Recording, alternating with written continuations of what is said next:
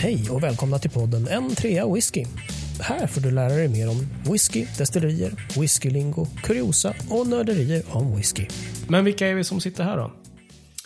Ja, jag heter David Keder. Gillar whisky och har en whiskyblogg och jag skriver ganska mycket om whisky och sådär. Jag är historiker från början. Jag jobbar på KTH som antagningshandläggare och jag är 47 år gammal.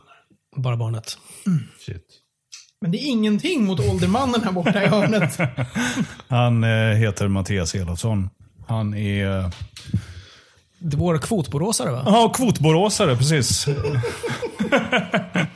Man ska alltid kvotera in någon från Borås. Ja, men så är det ju. Det, ni vet ju att eh, den eh, riktiga Stockholmshipstern, han är ju egentligen från Borås.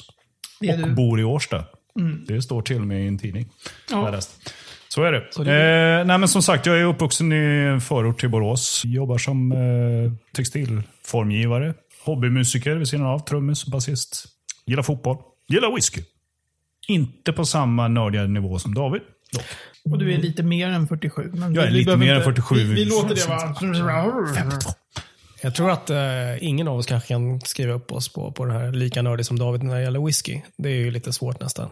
Ja. Ja. Jeroen Wolffers heter jag. Jag är eh, också 47 år gammal. Nej, men betänk. Eh, kvotholländare här. Eh, jobbar till vardags med att skriva på en liten reklambyrå som heter Raring. Och eh, driver en blogg som heter Cyklistbloggen. Men det är inte därför vi är här idag. Nej, Nej. precis. Vi ska prata whisky jag tänkte, eh, hur ska man lätta upp det här och lite grann? Hur ska man börja det här? Och jag tänkte eh, prata om våra personliga, kanske, whiskyminnen. Till att börja med i alla fall. Så hur liksom kom whisky in i era liv? Jag, jag har en ganska tydlig grej själv. Jag, jag har ordet, jag, I go first. Kör. Ja. Kör. Och eh, jag tror inte, den är inte liksom den här vanliga whisky-minnet kanske, utan det här var en strand eh, till en sjö som heter Vallentuna sjön. Det var en kompis som sitter vid det här bordet som hade studentskiva. Hej! Jag hade en gammaldags brödrost runt halsen, flygarhuva och en megafon i näven. Alltså varför hade du en brödrost runt halsen? Jag var toastmaster. Ja. The Good lord. Megafonen var ju bara... Göteborg! Ja, Göteborg. Megafonen som jag hade då, den var ju till för att om någon yppade ordet Lambo hej, som man gärna skulle sjunga på andra, du vet, så här studentskivor, då skulle de i spat. Okej. Ja. Och det var ju vår och det var kallt, så att, eh, men det var några som provade. Och de åkte i spat. Det var väldigt trevligt. Ja. I eh, min sista hand tänkte jag, runt halsen, brödrost, ena handen den här megafonen och i, i, i vänsternäven så hade jag en flaska Lord Calvert eller liknande, kanadensisk. Väldigt billig whisky. Ehm, och hur det än blev så när liksom det rundades av där på kvällen, natten, liksom, så var den där flaskan slut. Och jag har liksom lite minnesluckor, men jag kom hem. Ja, det är ändå bra jobbat. Ja, och min farsa öppnade dörren på morgonen och sa hej och så, puff, så en blandning av liksom så här, eh, gammal sprit och vitlök eftersom David hade fått en vitlöksfläta som vi satt och rostade över den här elden och drack. Liksom. Ja, vi blev hungriga där på natten. Ja. Vi grillade vi hela den där vitlöksflätan. Ja, det är Sen tog det ett par år innan jag kom loss igen på whisky kan man säga. En bakfyllan satt i Ja, men jag kan tänka mig att det är en ganska sådär vanlig eh, inkörsport. Att man börjar och det går åt skogen och sen har man några år där man liksom växer upp sen och hittar rätt väg in. Jag har en liknande en sån här muckaresa från lumpen. Mm. Jag är den enda av de här tre här som har gjort lumpen. Tror jag. Men i alla fall, då skulle man ju då när man slutade så åkte, åkte man iväg någonstans hela, hela luckan. Och vi eh, hamnade i någon stugby eh, på Smögen. Och av någon anledning så hade jag en halvflaska Ballantines med mig där. Den var ju gjord av plast. Det var ju så piffigt och behändigt man kunde gå omkring. Ja. Och jag ska säga att jag minns inte väldigt mycket av den där resan. Jag minns att jag hamnade på någon krog eh, och gick upp och med milt våld fick bort trubaduren från scenen för att köra Nationalteatern-låtar själv. Och tror jag blev utkastad från stället faktiskt. Det är ju sånt som händer med whisky. Ja, Det är, precis. det är ju ofta, det inbegriper ofta våld mot trubadurer och, Ja, och precis. nationalteatern. Ja, precis. Eh, Så att det, det var väl eh, första liksom, närkontakten. Och sen tog det ganska många år innan jag var där igen. Återigen. Återigen. Men då var det liksom Irish Coffee-svängen som fick in mig på det. Mm. Det var, jag hade en polare i Uppsala där jag bodde då. Som var väldigt mycket inne på att dricka Irish coffee. Så Då var det där. Och så provade man att dricka irländsk whisky utan kaffe och grädde. Den Nöden, nöden har ingen lag. Nej, Ja. precis. Så är det. Du David? Jag är ju tydligen den enda som konsumerar med moderation här av eh, herrarna kring bordet. För min första eh, erfarenhet av whisky var i den där tiden när man liksom snodde ur sina föräldrars spritskåp. Och eftersom jag hade föräldrar som hade ganska bra koll och var en ganska eh, lydig samhällsmedborgare så eh, snackade vi ju typ en hutt någon gång. Som en vad häftigt. Och då eh, provade jag Johnny Walker Red Label någon gång. Och det var ju alltså, jag var ju Klassiker. inte ung på det sättet. Jag var ju, det var ju någonstans där kanske i, i gymnasiet i alla fall. Mm. Eh, och då var det, snackar vi ju liksom typ en fingerborg. Eller alltså typ, l- man fyller den där locket med Johnny Walker Red Label. Och jag kommer ihåg... Nu vill jag bara säga att David måttar med fingrarna här och har glömt att vi håller på Ja. och gör radio av det här. Ja, just det. Han måttar ungefär. det- Han måttade en sexa i och för sig. Vi snackar, ja men det, vad kan locket innehålla? En tvåa eller något sånt där kanske? Trea? Max, ja. Men, men, så- och då var det ju liksom in med hela i munnen och sen svälja fort. Och jag minns den här liksom extremt obehagliga rysningen när jag fick liksom gåshud över hela kroppen och lite tårar i ögonen och den där Ja. ja. Och den får jag faktiskt fortfarande om jag tar för mycket whisky i munnen och, och sväljer. Jag kan fortfarande få den där. Liksom inte alls behagligt. Men, men det där var ju bara så här, det här är ju vidrigt. Mm. Eh, och sen efter det, det var ju inte en sån här på grund av fyllan, utan det var bara så här, okej, det där ska man ju bara hålla sig undan från. Sen tog det ju jättemånga år innan jag började intressera mig för whisky. Jag tror att det var vi tillsammans på något sätt för kanske en 20 år sedan. ja det något sånt? Och då snackar vi, då var jag i sådana fall 27. Så det var ju sent om man jämför med, jag är ju jätteavundsjuk på dem som idag är så här 22. Och sitter och provar singelmalt. Jag kan bli så här eh, retroaktivt sur på mig själv. Du börjar åren. för sent. Jag började så sent. Efter att priserna hade börjat gå upp ordentligt. Ehm, men då, då var det ju liksom, jag har ingen sån där specifik upplevelse, alltså tidig whiskyupplevelse som är det där var ögonblicket. Alltså många brukar ha den där och då fick jag prova. Mm. Men jag vet, vi provade ju ofta tillsammans, eller provade, vi drack. Ja. Men eh, inte söp. Men liksom, så här, åh, man hällde upp en Lafroig 10. Ja. Det var ju länge den. Så tog flaskan slut och det tog månader. Mm. Ehm, och då köpte man en ny Lafroig 10. Mm. Och sen gick man med i det här Friends of Lafroig. Ja. Och man fick så här, jag har en plätt av Ayla. Så man kunde åka dit och få en dram. Alltså, Som man inte kunde uttala heller. Mattias har gjort det. Jag har varit där och claimat min Oh. Precis. plott. Fick du låna stövlarna? Jag fick låna stövlarna. Och Där. sydväst. Behövdes det? Ja. Okej. Nej, men jag tror också det. Lafroig 10 var the go-to whisky som vi köpte sen. Så gick vi över på Ardbeg, kommer jag ihåg. Det var någon båttur som vi hade eftersom vi hade Ja. båt tillsammans och ut- åkte ut i skärgården och hade fem eller sex olika sorter med. ja, jag minns den här bilden. Och stå Ja. på akterdäck, fem olika Ardbeg. Ja, men precis. Då hade vi ändå börjat, liksom, relativt hur vi tyckte då, så här, nördat in. Så här, man Framförallt hade, du, ja, skulle jag säga. ja, men precis. Då, då, då är det lite senare. Men då det är ju hade- sen gammalt att du är alltså, ska det nördas, då går man till David. Det är, liksom bara, Ja, men det är sant. det är inga halvmesyrer där, utan det är, det är all in. Ja, lite så. Och det är, är kanske ingen eh, konstig grej att en av oss har en whiskyblogg som läses av ganska må- många människor. Och det är inte du Mattias och det är inte jag. Nej. Nej, det är Det är jag! Det är det. Ja, känns bra. Ja, men hörni, vi går vidare här till eh, nästa ämne. Ja, det där var fina vignetten för veckans destilleri. Vi tänkte att vi här på podden skulle gå igenom ett destilleri varje sändning och eh, David har tre minuter på sig att prata idag om... Han ska prata om Kiloman. Ah, Kilhoman. Kilhoman. Okej, det, det är på riktigt så att jag inte vet vad det är från innan. Anthony Willis grundade Kilhoman. Och när kan det ha varit? Kanske 2005 eller något sånt där. Det var då det första destilleriet som öppnade på Ayla på någonting över 100 år. Jag tror att han drog till med, om det var så här, 106 år. Så det var en stor grej.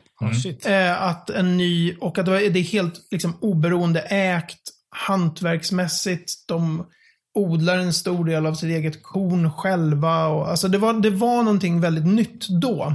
Är det superökigt för att det är Ayla?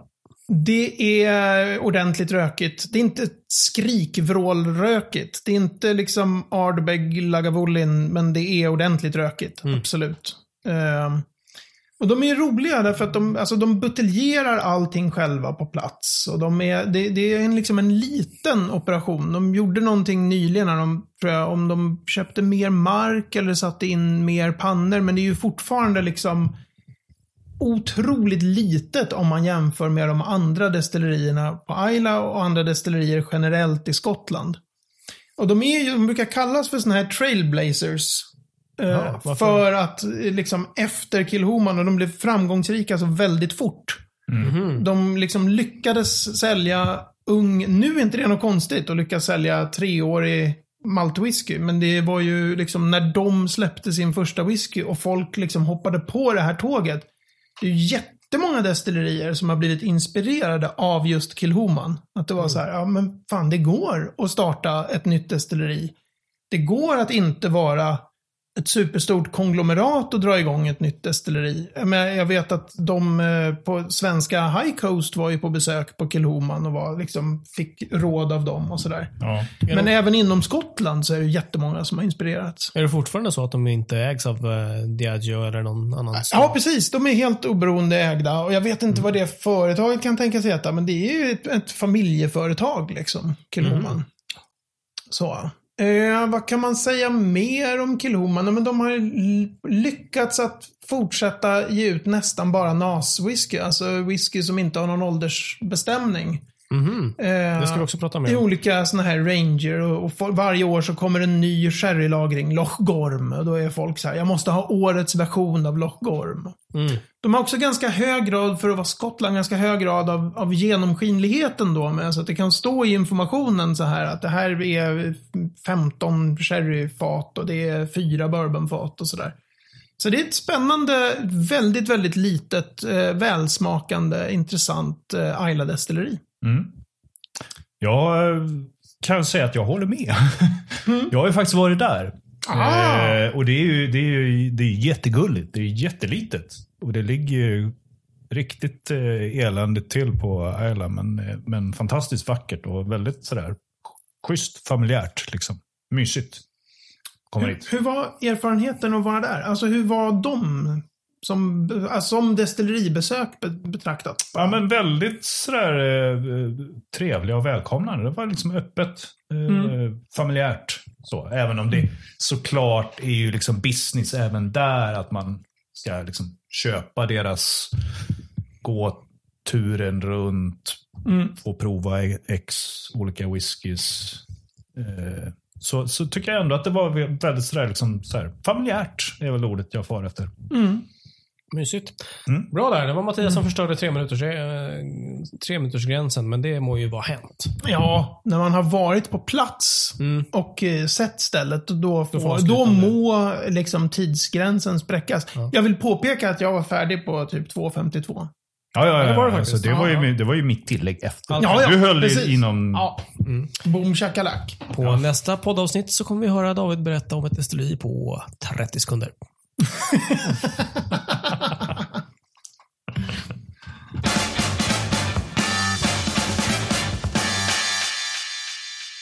Jo, för en lite så här halvnovis, alltså inte en riktig nörd som har en egen blogg, så finns det ju, alltså det finns så jävla mycket begrepp i den här whiskyvärlden som är Nu tänkte vi köra här i- podden så kör vi liksom poddens ord.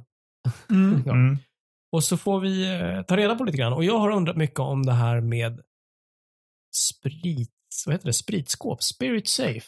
Spirit Safe, spritskåp på svenska brukar det heta. Och det är alltså inte det som är bakom mig här. Nej, där jag har inte- min whisky. Precis, det är inte ditt kabinett med ganska mycket trevlig whisky. Nu har jag Nej, lärt, mig, lärt mig någonting igen. Nej. Nej, precis. Men vad är det då? Alltså spritskåpet är den, om man säger så här, man destillerar som en, som en kort. Man kokar massa grejer och så får man sprit. Mm. Det, så kör vi de andra delarna vid ett annat tillfälle. Så. Ja. Och så, då har man normalt sett i Skottland, om man gör maltwhisky, så har man två olika pannor. Den sista pannan heter spritpanna. För där kommer ju spriten ut då. Originellt. Eh, och när den här, det som är lite speciellt då när man gör det här, och det blir mycket termer, men det, det kallas för batchdestillering. När man kokar i såna här traditionella kopparpannor. För man kokar en gång Mm. och sen så måste man tömma pannorna och fixa om och låta dem luftas lite och sen så gör man en ny batch. Ja, okej. Mm. Till skillnad från grain whisky som man kokar kontinuerligt hela tiden. 24 timmar om dygnet, hela tiden bara rinner det sprit ur där pannorna. Mm, okej. Det är ju fabriker liksom, om vi Mm, snackar mm. eh, Skottland då.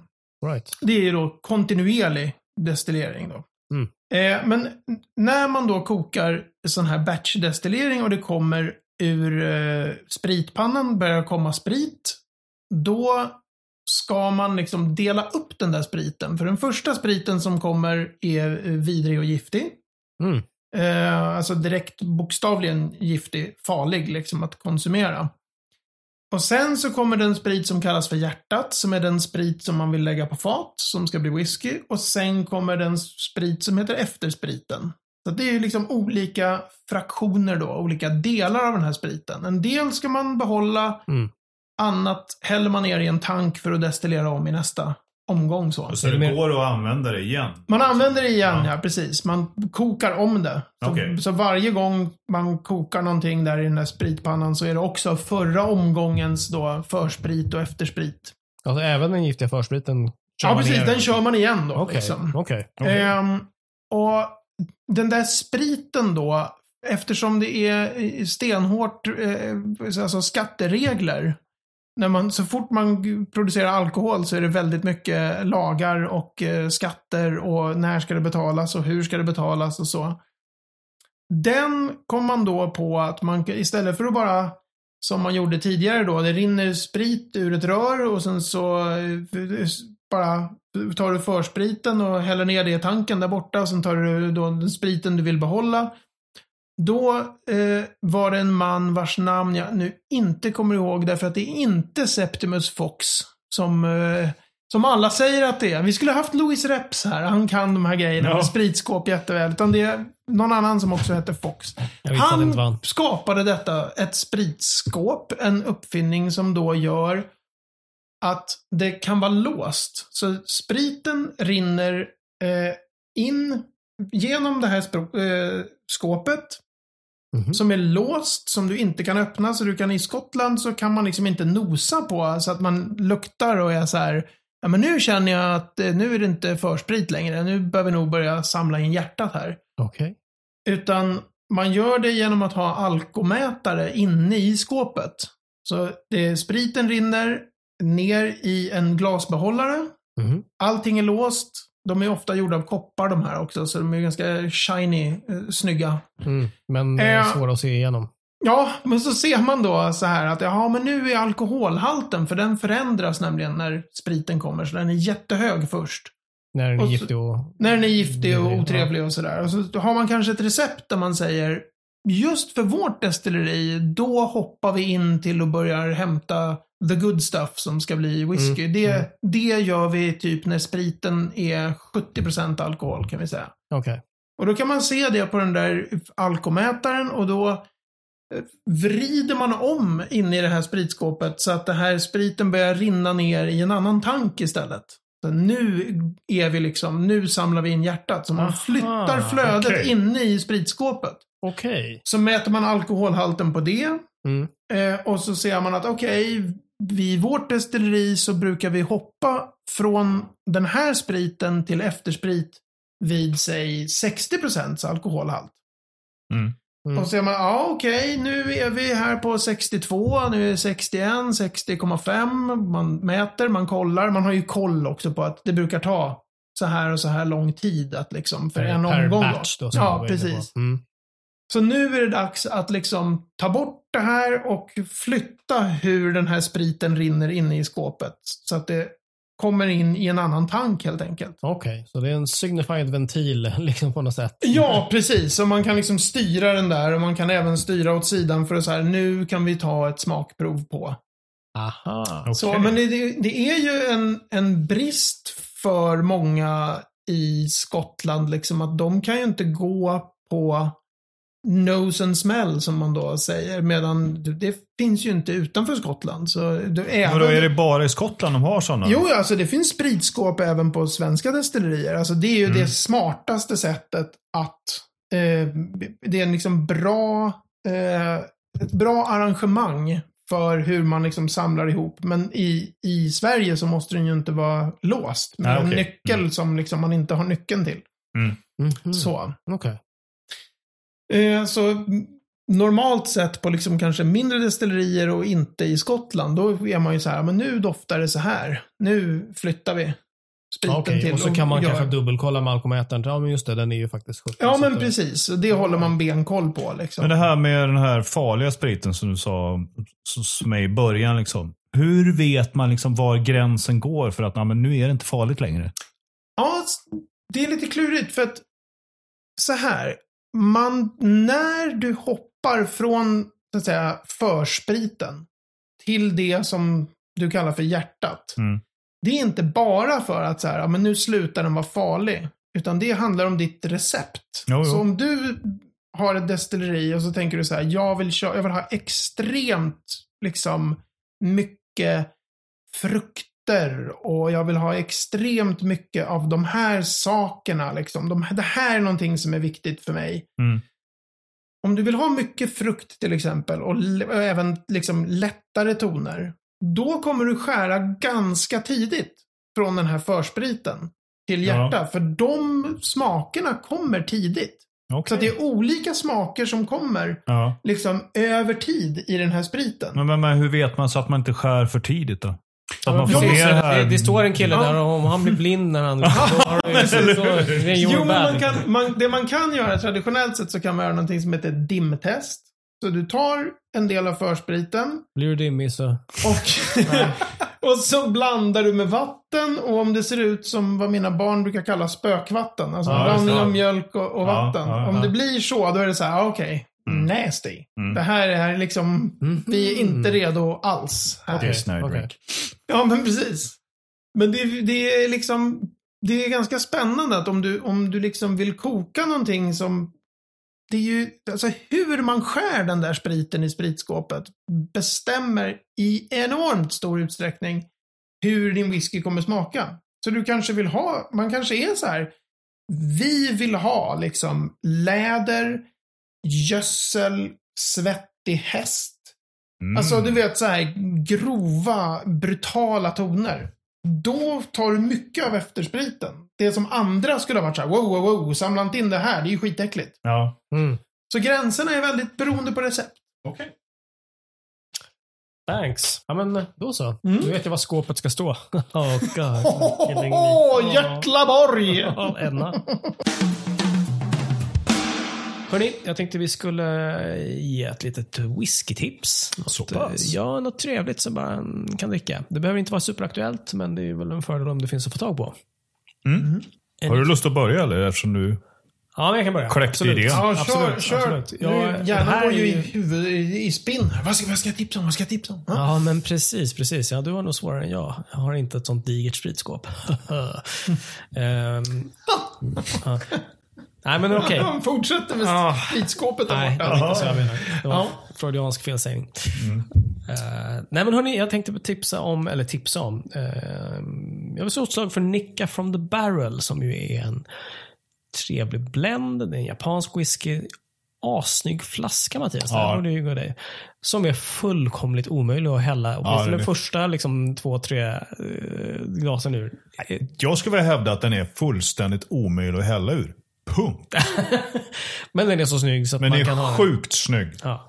Men inte bara det, det är ju faktiskt en sjukt bra whisky också. Ja, det är det. Jag vet att den har vunnit pris, men den är också den är väldigt, väldigt harmonisk. Den har liksom allt och lite till. Åh gud, vilken floskel. Men Jag som inte kan, kan beskriva whisky på det här sättet som med, med fuktigt hästgödsel från, från en liksom, gitarrist som... Nej, jag, det här som Just det! många... Hästgödsel från en gitarrist. Där har inte ens jag varit, tror jag. Men...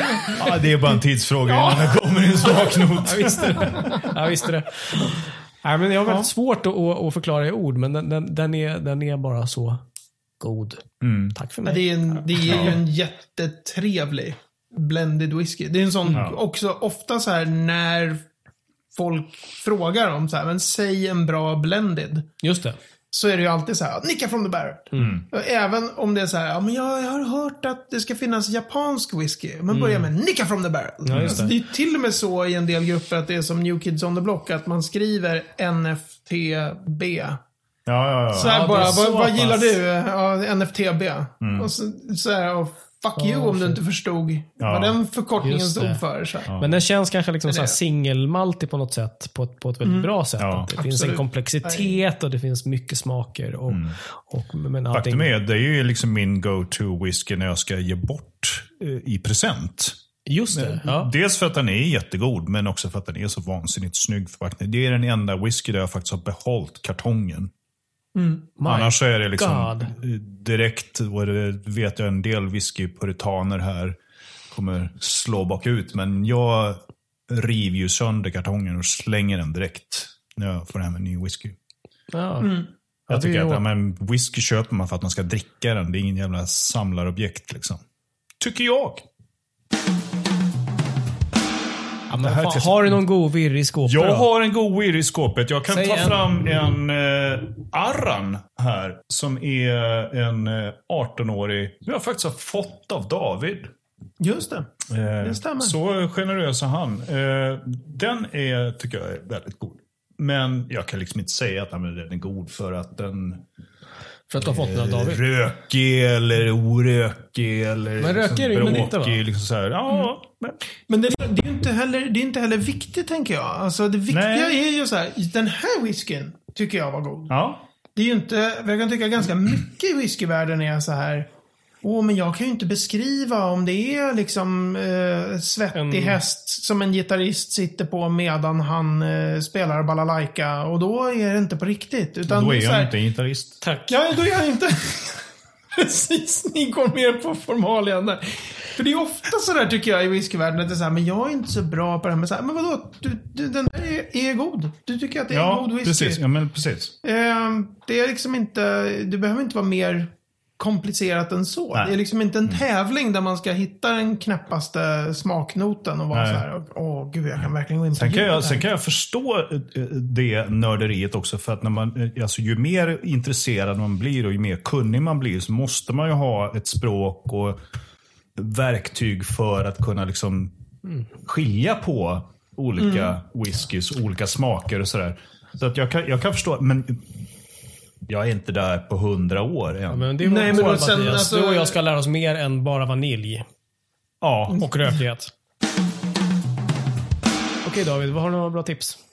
Ja, alltså jag, jag har ju ett, eh, jag har ju flera destillerier som jag är väldigt förtjust i, men, men jag har ju ett destilleri eh, som eh, är alltid så här tillgängligt på Systembolaget och som är ett sånt här krångligt att uttala som heter Craigellachie. Mm. Ju som jag jag. tycker är, ja men alltså det tycker jag är så här, det är maltwhisky, kanske- det kanske inte är den första, den skulle nog, om man inte har provat whisky innan, Mm. då tror jag att den, det första mötet med Craigellachie blir ungefär som mitt med Johnny Walker Red, eh, liksom första whiskymötet. Att det är så här, "Åh, vad fan är det här för någonting? Mm. Den är lite bråkig. den är bråkig och de är liksom, de är ganska... Säger jag här som inte... Ja, nej men de Och jag är, de är liksom, det, det, det, ja men det är smockfullt med, med dofter och smaker. Och en sån, det är ju en fest för en sån som jag, som just gillar att fånga whiskys med ord så här. Och man, vad Mm. är det liksom man känner? Men deras vanliga 13-åring tycker jag är fantastisk. Sen vet jag eh, jättewhiskykunniga människor eh, som har haft den. Bland annat vet jag en som, att de hade den i en, i en blindprovning. Och där hon var så här, men den här, den här är ju vidrig liksom. Jaha, De hade okej. provade jättemånga whiskys och så stack verkligen den här ut som en sån här, det här är ju, det här är verkligen en usel whisky. Så. Jag vet Så att jag också inte- var på en sån här eh, whiskykryssning. Jag tror det var Cinderella. Jag köpte en Craig Gallagher 19 har jag för mig. Ah. Den var helt fantastiskt bra. Jag verkligen liksom sörjde när den tog slut för att den fanns Ja. i systemet. Ja. Otroligt god whisky. Inte rökig alls, men det händer svin mycket grejer liksom. Man Ja. hittar verkligen många olika och man kan säkert vattna ner den en smula till liksom och, Ja, ja, och hitta andra grejer liksom. Men, men eh, väldigt... Men väldigt så här, det är liksom ett destilleri att kolla på om det är så här. Eh, jag kan tänka mig till exempel om man har snöat in i rökträsket och så är man så här, jag vill våga prova någonting som Jag vill ta mig orökigt. ut. Ja, så då kanske man inte ska hoppa direkt på typ väldigt snälla Glenlivet liksom. För då kommer man tycka att det här är vatten. Utan då får man gå på grejer som, som kanske är orökiga men som har extremt mycket som händer i whiskyn. Så Cregality tycker jag, det, det, alltså deras 13-åring är verkligen en sån här. Den var svinbillig på systemet eh, förut. Den kostade typ 400 spänn. Eh, Den var What? liksom billigast i hela Europa på Systembolaget. Nu är den uppe på över 500. Okej. Men, men den är, man får, ja men jag, jag tycker liksom fortfarande att den är så här, man får väldigt mycket whisky för pengarna med Cregality. Du har hört N3 Whisky med Mattias Elofsson, David Tjäder och med mig, Ron Wolfer. På n3whisky.se kan du hitta fler avsnitt och komma i kontakt med oss om du har frågor eller funderingar eller kanske bara glada tillrop. Tills nästa gång så ha det så bra. Hej!